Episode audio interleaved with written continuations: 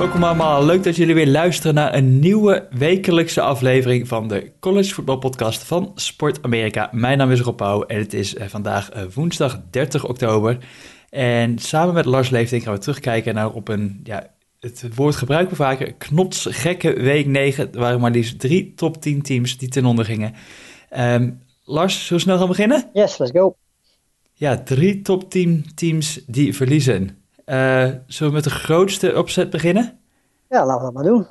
Oklahoma, hè? Oklahoma. Oklahoma ging op bezoek bij Kansas State. En we zagen vorige week voor de kijkers, of de volgers van het college zagen al dat uh, de Sooner Schooner onderuit ging op het homefield. De, de, de hoefwagen waarmee ze traditioneel het veld opkomen. Voorbode. En deze keer, deze keer uh, ja, het was een voorteken, want deze keer ging Oklahoma en de Sooners gingen zelf onderuit bij Kansas State. Ja.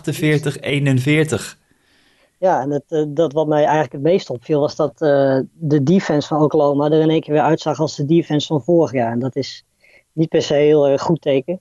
Um, Jalen Hurts was wel weer fantastisch. Aan hem lag het zeker niet. Was weer uh, zowel in de passing game als in de running game fantastisch. sowieso die offense was niks mis mee. Het was eigenlijk één kwart waarin ze het weggaven. Dat was het derde kwart. Waar ze 17 punten tegenkregen en zelf niet scoorden maakten ze dan het vierde kwart nog wel een beetje goed. Maar toen was de wedstrijd eigenlijk al een beetje gespeeld. Um, en vooral die verdediging, ja, dat was uh, weer een beetje flashbacks naar vorig seizoen eigenlijk. Ja, nou, ik wou het net zeggen. Kijk, als je kijkt naar het aantal yards of offense, volgens mij hadden ze 500 yards offense. Ja.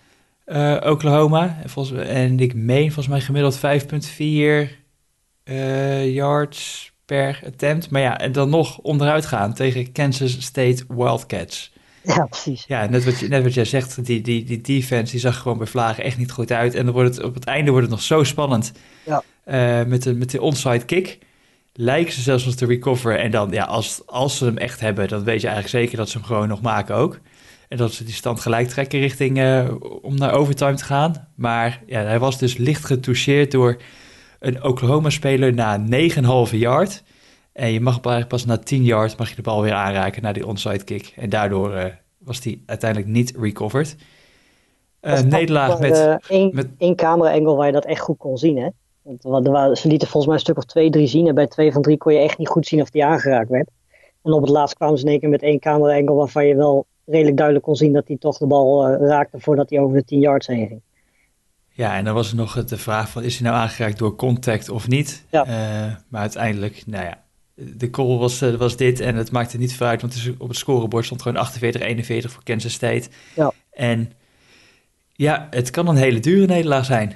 Uh, ja, dat is het denk ik wel, ja. Want uh, op dit moment, als je kijkt naar het hele programma wat ze gehad hebben, het is gewoon niet zo heel zwaar. Texas is op papier een van de sterkste geweest, maar die hebben nu ook al drie nederlagen.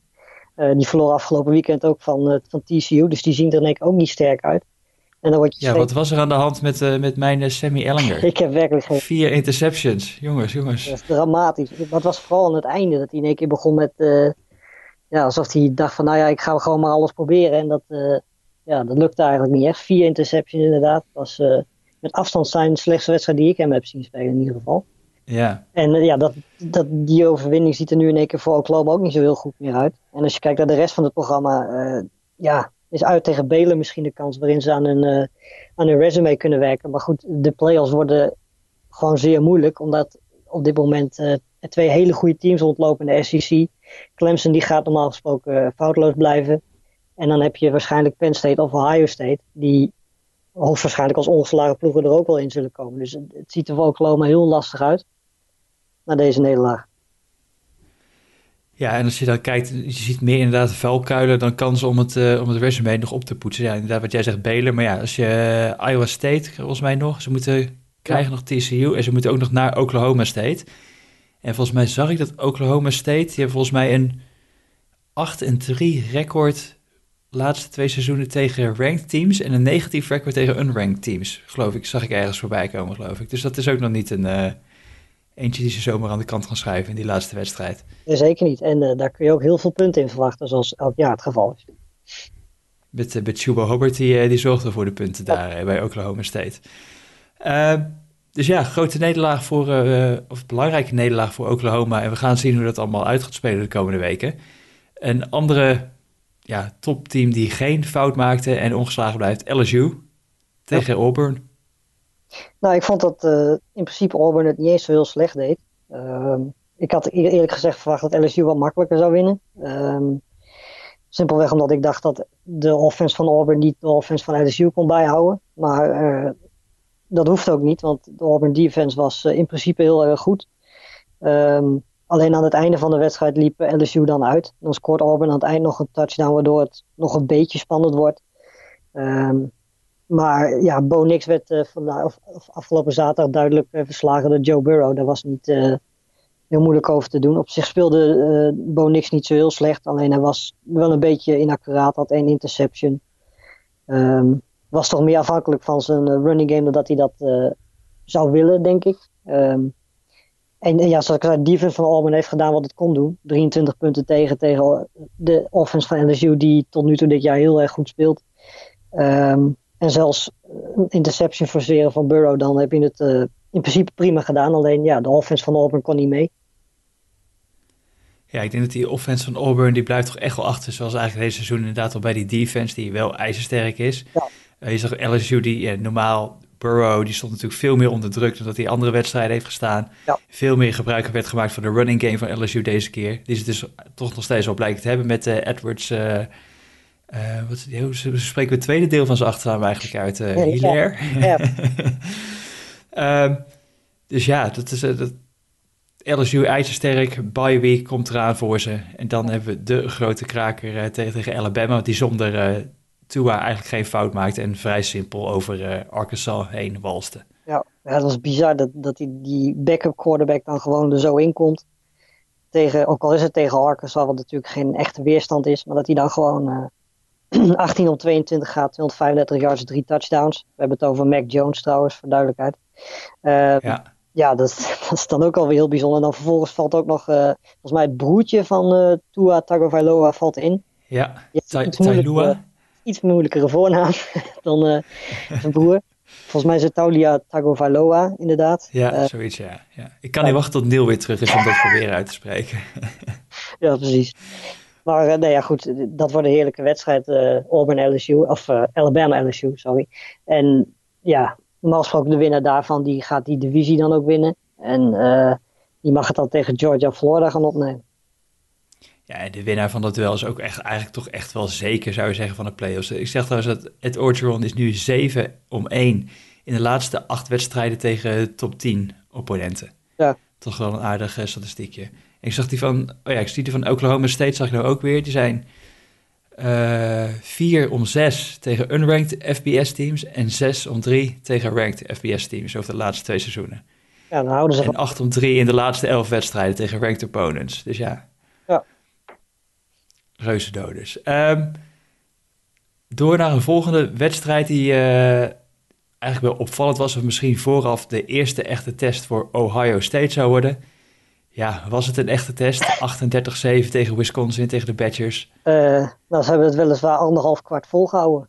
Uh, dat is eigenlijk een beetje waar het neerkomt, want uh, vanaf anderhalf kwart was het eigenlijk Ohio State. Ze begonnen een beetje moeilijk, Ohio State. Wisconsin's defense had ze onder controle. Maar ehm, ja, eigenlijk vanaf, vanaf het midden van de tweede kwart gingen ze helemaal los. Fields weer foutloos. Een van de weinige quarterbacks die eigenlijk dit seizoen nog niet zo heel veel fout gedaan heeft. Um, de running game was fantastisch. J.K. Dobbins liet weer zien waarom hij uh, in de komende draft een van de betere beschikbare running backs is. Um, ja, de receivers van Ohio State zijn niet eens zo bijzonder. Het zijn hele dunne, snelle keeltjes. Maar Fields weet ze toch op een of andere manier ook elke keer weer te vinden. En uh, de defense van Ohio State, uh, die natuurlijk uh, aardig wat mensen zijn kwijtgeraakt, was wederom fantastisch. Want de speler van... Chase Young, jongens. Ja, oh man. Die, we gaan straks over de Heisman nog wel hebben, maar misschien verdient hij, ondanks dat natuurlijk verdedigers daar niet zo heel snel tussen staan, ook wel een, in ieder geval moet zijn naam ertussen staan wat mij betreft. zeker na afgelopen weekend, wat hij liet zien was echt, echt fantastisch. wat dat betreft, Nick Boza die zal op, op zaterdag wel gekeken hebben, die dacht van dat doe ik zondag eventjes over. Eh, in de NFL. Want die speelde ook een weergeloze wedstrijd. Um, maar ja, het lijkt wel alsof elk jaar eruit uit Ohio State een hele goede pass rusher komt.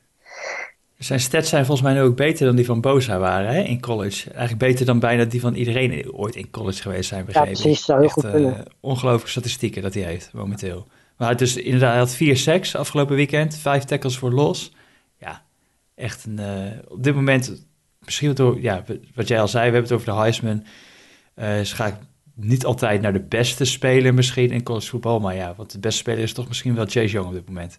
Ja, nee, maar precies. De, de first round pick is uh, meestal ook niet de beste speler die je uh, in de draft bijvoorbeeld tegenkomt. Terwijl Chase Young in de komende draft dat zeker wel gaat zijn. Uh, maar toch is de kans groot dat Tua de eerste pick gaat zijn. Um, dat zien we afgelopen draft nu met Nick Bosa ook. Door Kyler Murray werd als eerste gekozen. En waarschijnlijk is Nick Bosa de beste speler in die draft. tot nu toe dan in ieder geval. En ik denk dat dat met Chase Young ook gaat gebeuren. Maar de manier waarop Ohio State's defense Taylor gewoon uitschakelde. Die had met 52 yards uh, voor Wisconsin. Uh, forceerde Jack Cohn om hele lange ballen te gooien. Waar hij in principe niet zo heel goed in is. Um, als hij niet afhankelijk is van Taylor. En hij moet zelf een paas gaan gooien. Kan hij wel. Maar dan hebben we het vooral over uh, korte paasjes. mid-range ballen.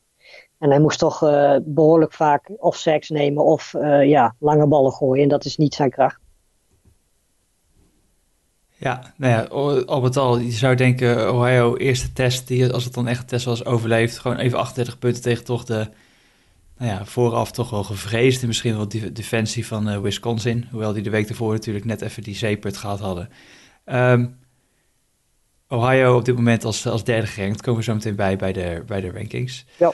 Um, laatste wedstrijd die we toch even uit moeten lichten. En ja, we gaan eigenlijk een beetje een uitzondering maken op onze eigen regel, dat we het niet meer over dit team zouden hebben.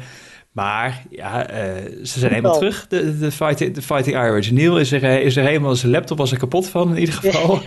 Ja, 45-14 overwinning tegen Notre Dame. Ja, die had ik even niet zien aankomen. Het was s'nachts, ik heb hem niet uh, live gezien, ik heb teruggekeken. Maar toen ik s ochtends wakker werd, zat ik wel een beetje met, me, met mijn mond wijd open, wil ik zeggen. Um, ik wist van tevoren Notre Dame speelt niet per se heel goed, maar ook niet per se heel slecht. Dat hebben we volgens mij vorige week ook gezegd. Uh, dat ze niet heel erg uitblinken, maar ook niet heel veel fout doen. Um, alleen ja, wat we afgelopen weekend gezien hebben, dat was uh, vooral aanvallend gezien niet best, maar ook verdedigend gezien. Die Notre Dame uh, defense is normaal gesproken heel erg goed. Heeft vooral op de defensive line een paar hele grote talenten rondlopen. ja. Maar ja, de running game van Michigan, die kon weliswaar gewoon doen en laten wat hij wou. Haskins, die af en toe wel eens een beeld geweest is. Die rustig gewoon vol 49 yards afgelopen weekend. Wat een paar heerlijke hurdles ertussen zitten. Uh, Charbonnet, die we al vaker gezien hebben dit jaar, speelde weer weergeloos. En uh, ja, daardoor hoefde Shea Patterson eigenlijk niet zo heel veel meer te doen dan 12 keer te gooien. Wat misschien op dit moment ook wel het meest gunstig is wat Michigan kan overkomen. Um, en ja, de defense was ook weer inderdaad weer wakker. En dat, ja, Ian Book was dramatisch. Was echt niet goed. Uh, running game was uh, totaal niet ja, was er gewoon helemaal niet. Die is eigenlijk het hele seizoen nog niet heel erg. Als je vergelijkt met wat ze vorig jaar hadden. Met Dexter Williams natuurlijk. Uh, dat hebben ze dit jaar totaal niet. En dan zie je toch wel dat Ian Book, ja, net zoals we dat met Jack Cohn zien bij Wisconsin, toch wat te afhankelijk is van een goede running game.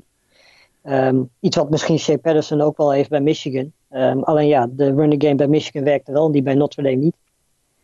Ja, en die running game die werd ook wel een beetje, was ook een beetje noodzakelijk door de omstandigheden. Het was heel erg winderig, ja. uh, veel regen, het was echt barre omstandigheden. Ja. En dan, wat zij ook achteraf ook hoorden, best wel een beetje het commentaar was op uh, Brian Kelly, de coach van Notre Dame, van ja, waarom laat je de Ian Book, die misschien al, ja, ik weet niet of hij een echte topper is, ik, ik zou hem niet zo willen noemen in ieder geval, maar dat hij dat hij daardoor toch gefrustreerd wordt om te gooien in die moeilijke omstandigheden. Uh, ja, dat leidt dan inderdaad maar tot acht uh, complete passes van, uit 25 attempts. En is toch een beetje de kritiek ook wel op Brian Kelly. Uh, ja, is die nou de juiste man voor Notre Dame? Zal ik al een paar keer voorbij komen. Ja. En tegelijkertijd was natuurlijk al die vraagtekens waren eigenlijk natuurlijk rondom Horbo bij, uh, bij Michigan. Michigan die dus de laatste zes kwarten tegen, die ze gespeeld, want vorige week was het natuurlijk Penn State. Ja. laatste zes kwarten tegen top 10 teams uh, gewoon 59-21 gewonnen hebben. Ja.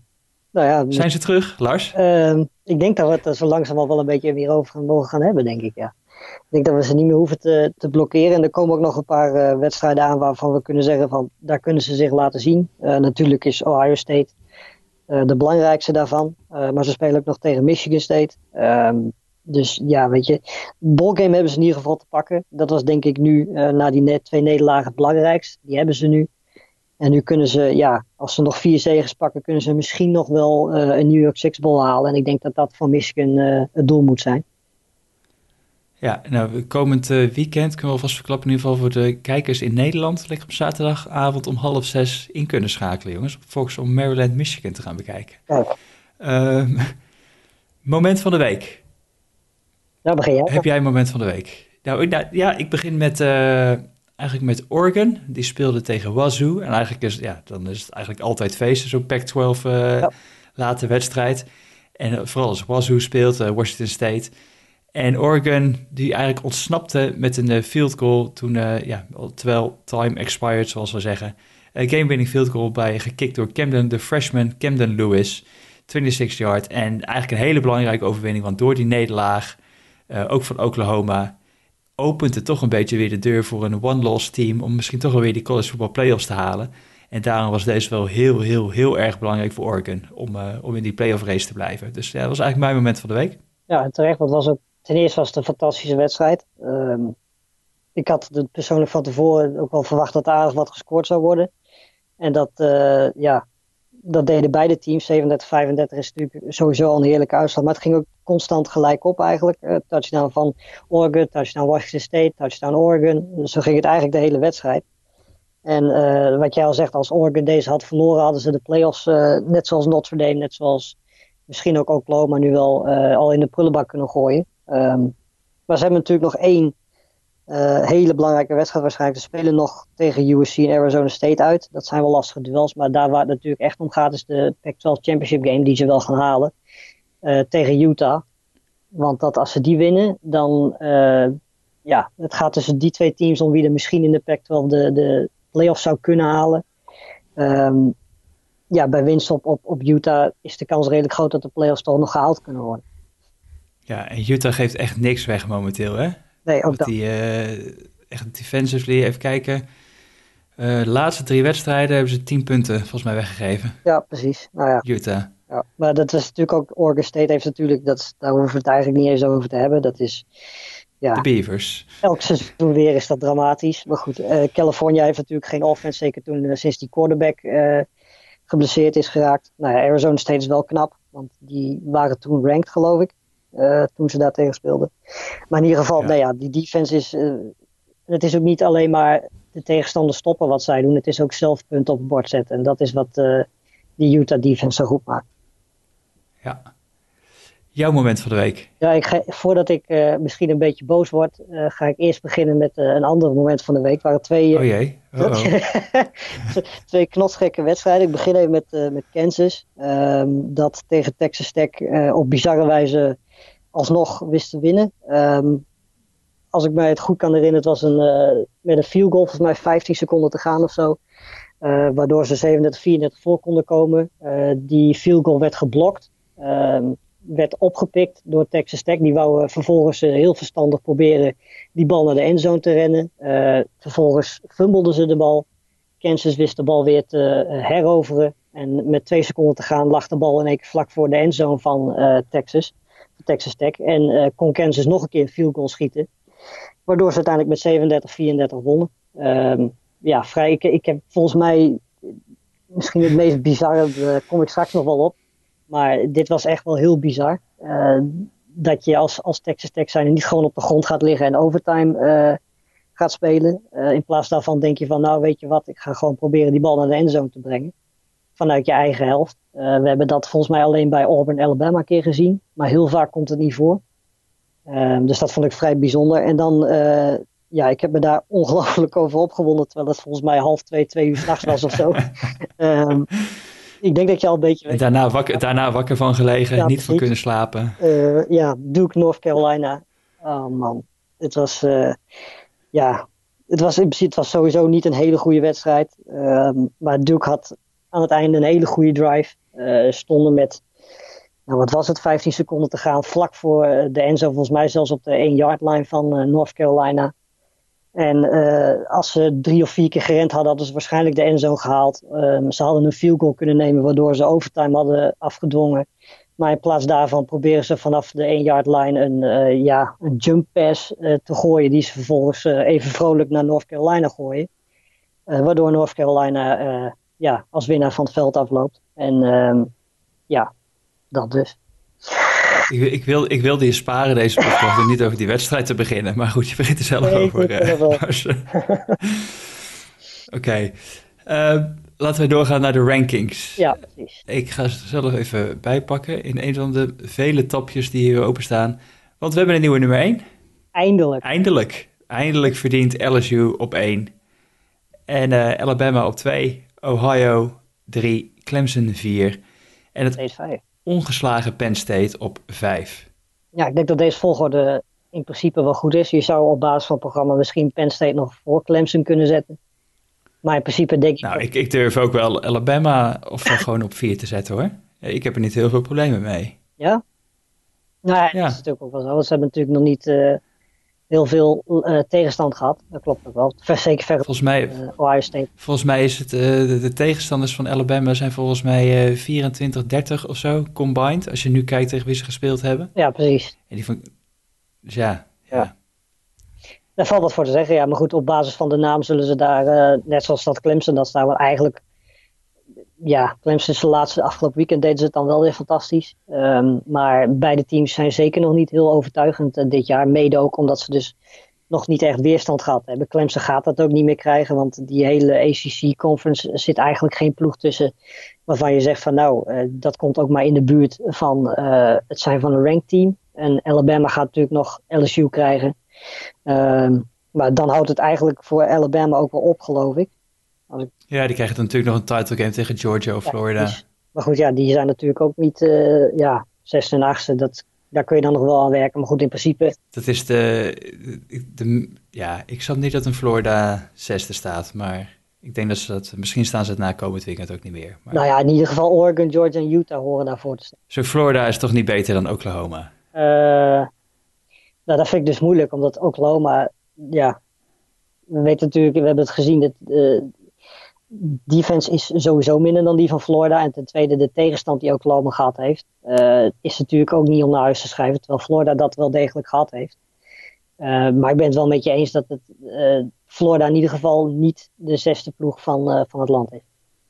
Ja. Nou, even de, we noemden Oklahoma al, dus dus gezakt vijf plekken naar nummer 10. Ja. Ehm, even kijken, Oregon die ging omhoog van 11 naar 7. Notre Dame natuurlijk na dat verlies gaat naar 16. Wisconsin zakt verder naar... Sorry? Belen en Minnesota, die staan, uh, beginnen ook te klimmen, steeds meer. Ja, nog steeds ongeslagen. Ja, precies. SMU ook, 15. En, en Appalachian State is ook nog steeds ongeslagen, 20ste. Ja. Um, eigenlijk is het uitkijken naar volgende week. Volgende week komt de committee met de eerste, ja, dat met de eerste rankings. Heel benieuwd. Nou ja, meestal, uh, ja, ik wil niet zeggen dat het te voorspellen valt, maar meestal kun je wel, we kunnen wel invullen dat ze waarschijnlijk, ondanks wat LSU allemaal heeft laten zien, Alabama gewoon op één gaan zetten. Uh, komt die daarna of voor de wedstrijd tegen LSU? Ervoor, hè? Volgens mij ervoor, ja. Ja, precies. Nou, daar gaat Alabama normaal gesproken uh, gewoon op één staan, denk ik. Uh, simpelweg vanwege de naam en de afgelopen jaren, ondanks dat je dat helemaal niet mee zou moeten rekenen. Maar het is wel duidelijk dat LSU op dit moment uh, de ploeg is om te verslaan. Zeker als die blessure van Tua uh, ja, toch misschien daarna nog een beetje gaat, uh, gaat doorzeiken. En daar, dat hij daar last van heeft de rest van het seizoen.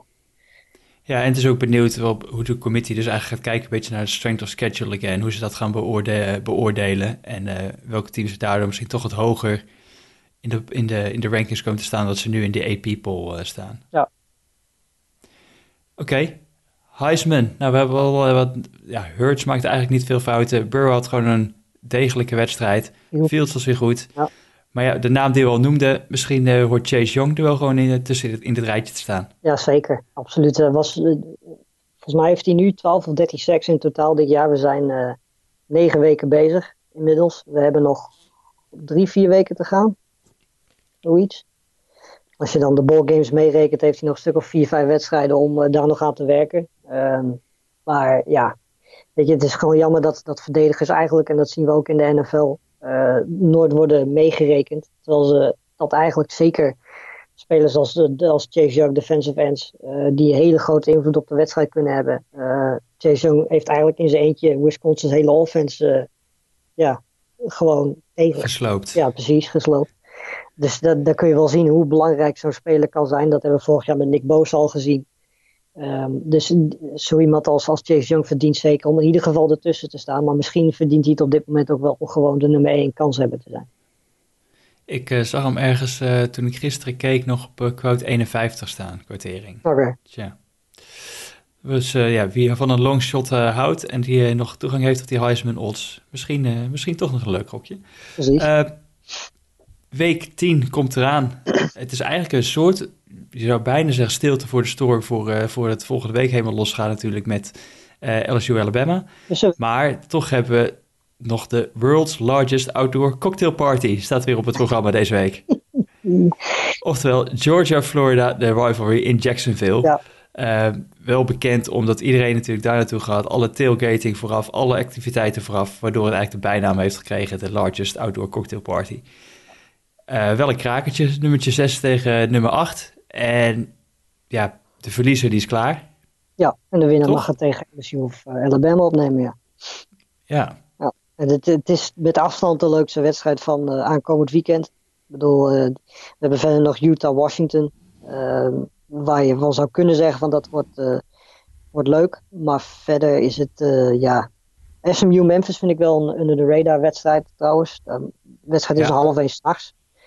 Um, dus dat wordt voor mensen in Nederland lastig. Voor jou wordt dat wat makkelijker. Maar uh, ja, dat, dat, is wel een hele belangrijke wedstrijd. En ook een hele leuke wedstrijd. Omdat beide teams een hele goede offense hebben. Uh, Oregon USC. Zeker ook in de gaten houden. Um, want, dat lijkt me ook leuk. Dus ook weer een high-scoring game kunnen worden, denk ik. Precies. De USC lijkt net alsof ze een stuk of vijf, zes fantastische receivers hebben. Die uh, constant maar gewoon de ballen blijven vangen. die Slovis speelt gewoon meer dan prima. Doet eigenlijk alles wat hij kan. Het is dat die defense niet, uh, niet zo fantastisch is dat ze nu 5 om 3 zijn. En natuurlijk de problemen die ze op quarterback gehad hebben qua blessures. Um, ja. Dus ik denk dat... Heerlijke Pac-12 after dark wedstrijdje. Ja, precies. En ja, qua vroege wedstrijden, je zei het al, volgens mij wordt Michigan Maryland uh, uitgezonden. Uh, ja. En dat is dan ook zo'n beetje, ja, van de vroege duels wel het enige uh, waar op te letten valt. En wat ook belangrijk is, de wedstrijden beginnen een uurtje eerder dan normaal komend weekend. Oké, okay. kijk, goede intel. Wat verwacht jij bij Florida Georgia? Is ik denk dat kijk, Florida um, op zich ja, die, die passing game moet toch een beetje het verschil gaan maken tegen die Georgia defense. Georgia nu nog niet heel veel sterke passing offenses tegenover zich heeft gehad. Nee. Um, kan Florida dat verschil maken, denk jij, tegen Georgia? Ik denk dat we heel weinig punten gaan zien deze wedstrijd. Uh, ik denk dat, uh, ik vind Jake Fromm de laatste tijd uh, niet zo heel erg indrukwekkend. Trask doet gewoon wat hij moet doen. Maar is natuurlijk ook geen, ja, geen categorie Justin Herbert, Tagovailoa. Um, de twee defenses zijn natuurlijk uitstekend. Vooral Florida defense heeft op de defensive line echt een paar fantastische spelers rondlopen. Um, dus ik denk dat het een wedstrijd wordt waarin je heel veel defense gaat zien en uh, dat er heel veel gerend gaat worden. En ik ben heel benieuwd wie er dan uh, uiteindelijk gaat winnen. Want zowel Georgia als uh, Florida hebben een goede running back. Um, normaal gesproken ook wel een goede offensive line. Um, en dan hangt het er ook vanaf hoe de quarterbacks dat gaan invullen. en wat hun antwoord gaat zijn op die, die druk die ze waarschijnlijk op zeker gaan krijgen. Ja, ik denk als de running echt een running game wordt, is toch een beetje meer het echte spelletje van Georgia dan van Florida. Ja. Um, ja, ik, ik hoop eigenlijk gewoon dat de Bulldogs, uh, dat ze nog weer een, uh, dat, dat, ze hem winnen en dat die degene zijn die uit de SEC East uh, gaan komen. Ja, eens. Oké, okay, nou dan ga ik nog even kijken. We noemden het al Maryland, Michigan op, op Fox Sports kanaal 6, zaterdag half 6. En om 9 uur staan Washington, Utah op het programma. En om uh, middernacht Auburn Ole Miss. Oeh, dan kiezen ze weer uh, niet voor de SEC-wedstrijd om half, uh, half tien. Wat ja, ik denk dat dat komt door het SEC-network, denk ik. Dat ze daar misschien de rechten ja, niet... zou kunnen, dat zou het kunnen zijn.